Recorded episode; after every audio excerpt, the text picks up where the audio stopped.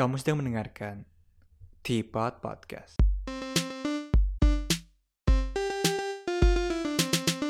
Hello, welcome back to Teapot. Baik lagi bersama gue, Fernando Sugianto. Dan hari ini gue mau ngomongin soal kursi kosong nih. Buat kalian yang belum tahu, baru-baru ini sempat viral klip dari acara Mata Najwa di mana si Najwa Shihab ini bikin kayak sebuah sarkasme gitulah. Jadi dia nanyain pertanyaan tentang pandemi nih buat Menteri Kesehatan kita Pak Terawan. Tapi pertanyaan itu diajukan ke kursi kosong. Itu dilakuin karena katanya si Pak Terawan tuh nggak bisa-bisa terus datang ke acara Mata Najwa dan sempet hilang lama lah saat pandemi. Nah, karena mungkin ini sesuatu yang unik, sesuatu yang nyentil gitu. Dan mungkin banyak yang emang udah kesel juga sama Pak Terawan. Uh, gegara ngehilang saat pandemi, ya jadi viral lah klip ini gitu. Terus seperti halnya semua yang viral, pasti ada aja orang yang setuju dan orang yang juga nggak suka lah ngelihat hal itu terjadi. Ada yang bilang ini sarkasme jurnalisme yang keren uh, karena menggambarkan Menkes yang nggak responsif di, di tengah pandemi COVID-19 di mana peran Menkes pastinya sangat penting. Karena lucu aja sih, awal-awal pandemi kan dia sering muncul tuh uh, pas ngejemput pasien dari Wuhan, terus di mana dia ngomong juga jangan khawatir, nyalahin orang-orang yang beli masker, bilang ini gak seberbahaya itu. Ya banyak lah yang sebenarnya kurang sejalan sama apa yang semestinya gitu. Terus kalau pertanyaannya itu salah apa enggak, ya sebenarnya mix feeling juga sih ya. Karena di satu sisi gue yakin lah beliau kan dokter. Pasti ngerti kalau hal ini berbahaya. Tapi juga sebagai pejabat publik mungkin dia dapat arahan juga gitu. Buat jangan sampai bikin masyarakat panik.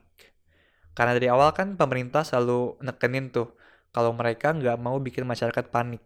Takutnya nanti bisa terjadi konflik sosial lah atau hal-hal yang nggak diinginkan gitu.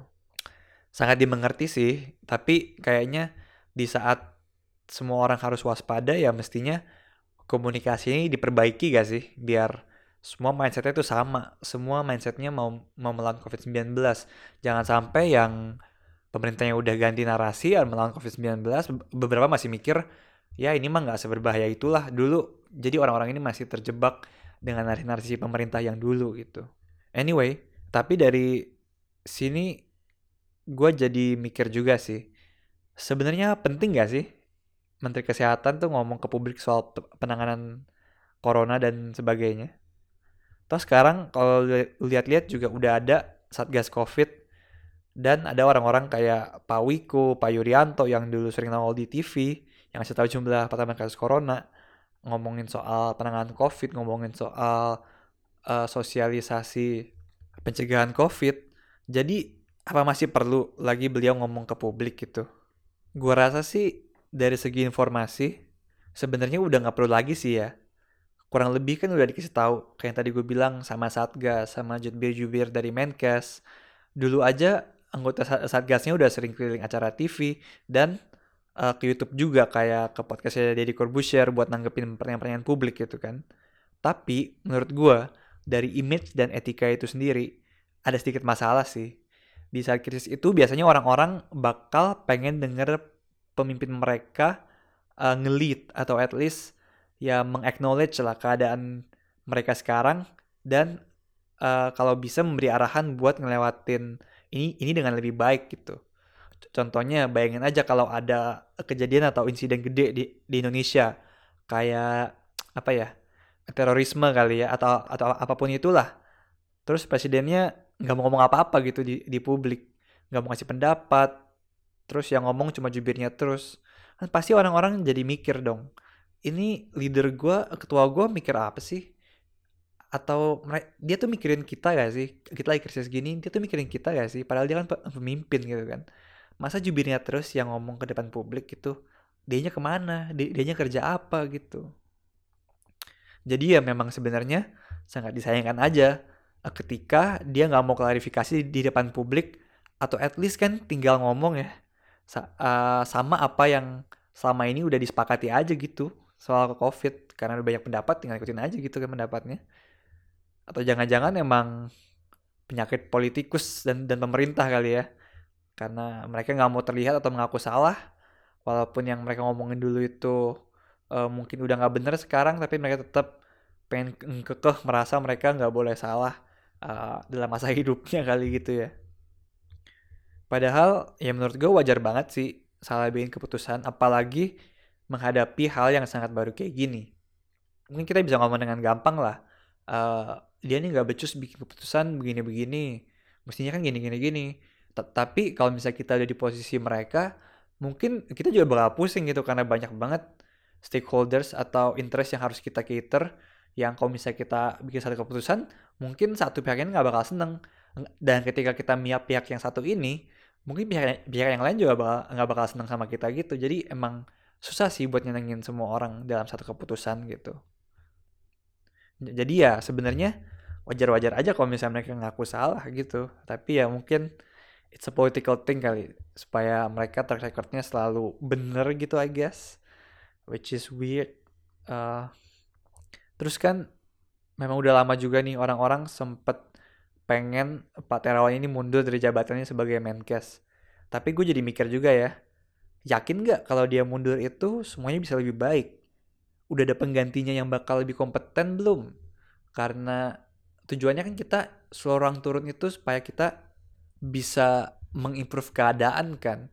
Karena ya tujuannya emang harus mengimprove keadaan. Kalau misalnya kita membuat sebuah keputusan yang gak akan merubah apa-apa ya mending gak usah dirubah gitu bang habisin lebih banyak waktu kan karena jujur aja mungkin kalau diganti kan pasti orang baru ini harus adjust dengan sistem kerjanya lagi dan lain sebagainya Apalagi kalau penggantinya bukan orang politik dan jadi harus adjust sama kultur-kultur birokrasi di politik juga.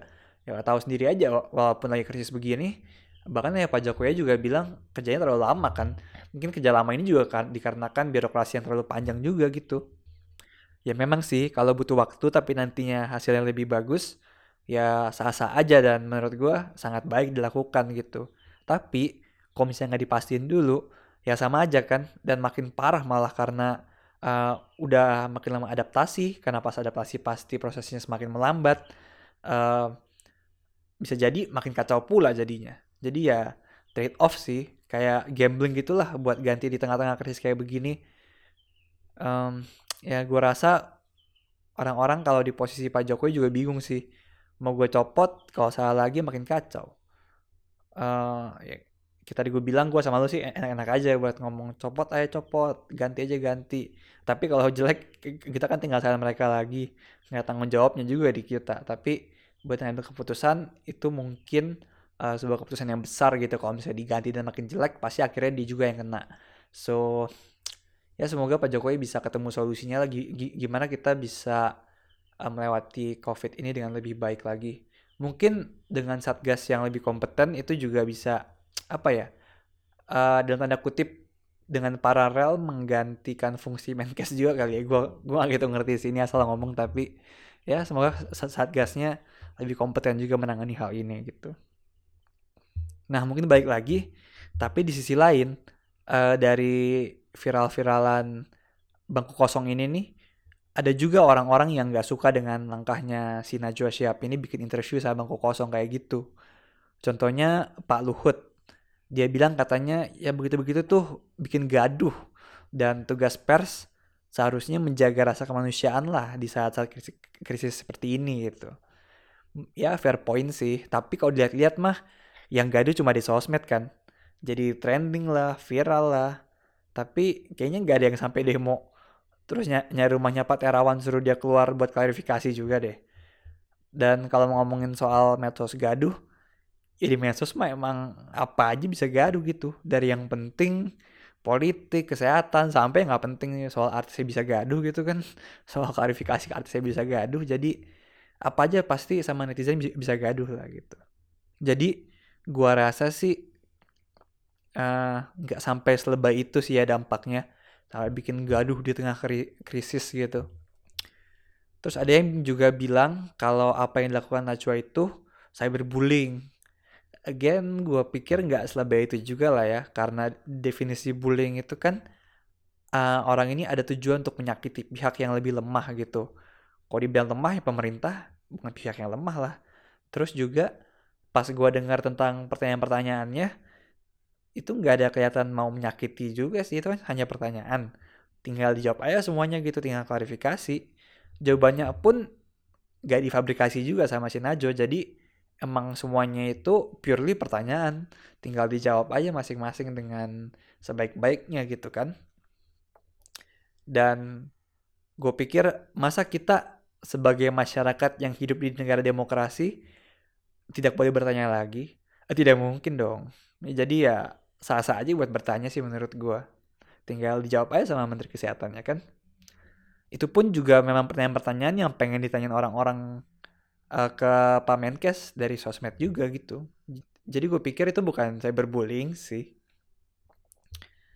Satu lagi mungkin yang lumayan make sense sih ada pengamat politik yang bilang wajar aja sih buat menolak datang ke sebuah acara TV karena uh, misalnya dia mungkin sibuk atau dia udah merasa bakal dipojokin atau gimana gitu. Ya gue pikir sih bayangan gue mungkin kayak dulu pas pemilu kali ya.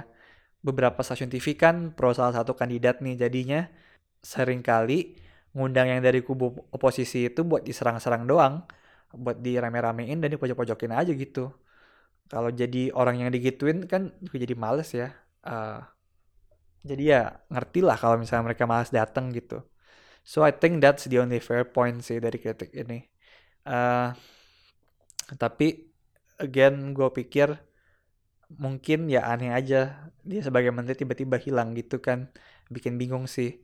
Jadi ya mestinya nggak usah diundang kalau nggak mau datang ke media at least dia nongol lah di, di publik buat bikin statement atau apa pun itu. Uh, ya semoga ke depannya bisa lebih baik lah. Dan bener kan akhirnya ternyata abis viral uh, si Menkes ini akhirnya bisa ngerespon dan akhir-akhir ini jadi mulai bersuara lagi. Terus dengan terjadinya hal itu gue jadi makin yakin kalau di Indonesia viral itu jadi insentif paling utama buat orang-orang. Kayak abis viral baru semua tuh sibuk klarifikasi apa pun itu dari hal yang paling penting sampai yang gak ada gak ada faedahnya sama sekali. Terus gue dulu juga kayaknya udah pernah bahas juga sih. Tapi sekarang juga katanya makin jelas Indonesia ini udah tujuh bulan ngalamin pandemi tapi masih gini-gini aja. Kayaknya tuh masalah utamanya dari sisi pemerintah nih ya. Itu adalah komunikasi ke publik deh. Kalau dari masyarakatnya kan masalahnya banyak yang nggak mau dengerin dan nggak sadar diri, eh, nggak uh, mau jaga diri sendiri lah gitu. Tapi kalau dari pemerintah itu gue rasa komunikasi ke publiknya sih. Kadang sering gak kompak lah, sering plan-plan lah. Terus kadang pesannya suka bikin bingung dari awal bilangnya jangan panik, nggak bahaya. Nah, abis itu orang-orang jadi bingung deh, pasti bilang uh, kalau virus ini bahaya gitu. Walaupun begitu sih, gue juga tahu sih kayak yang sering gue bilang, nggak ada negara yang siap menghadapi hal ini dan nggak ada yang sempurna caranya. Gue juga setuju kalau negara kita nggak bisa dibandingin sama negara-negara kecil gitu.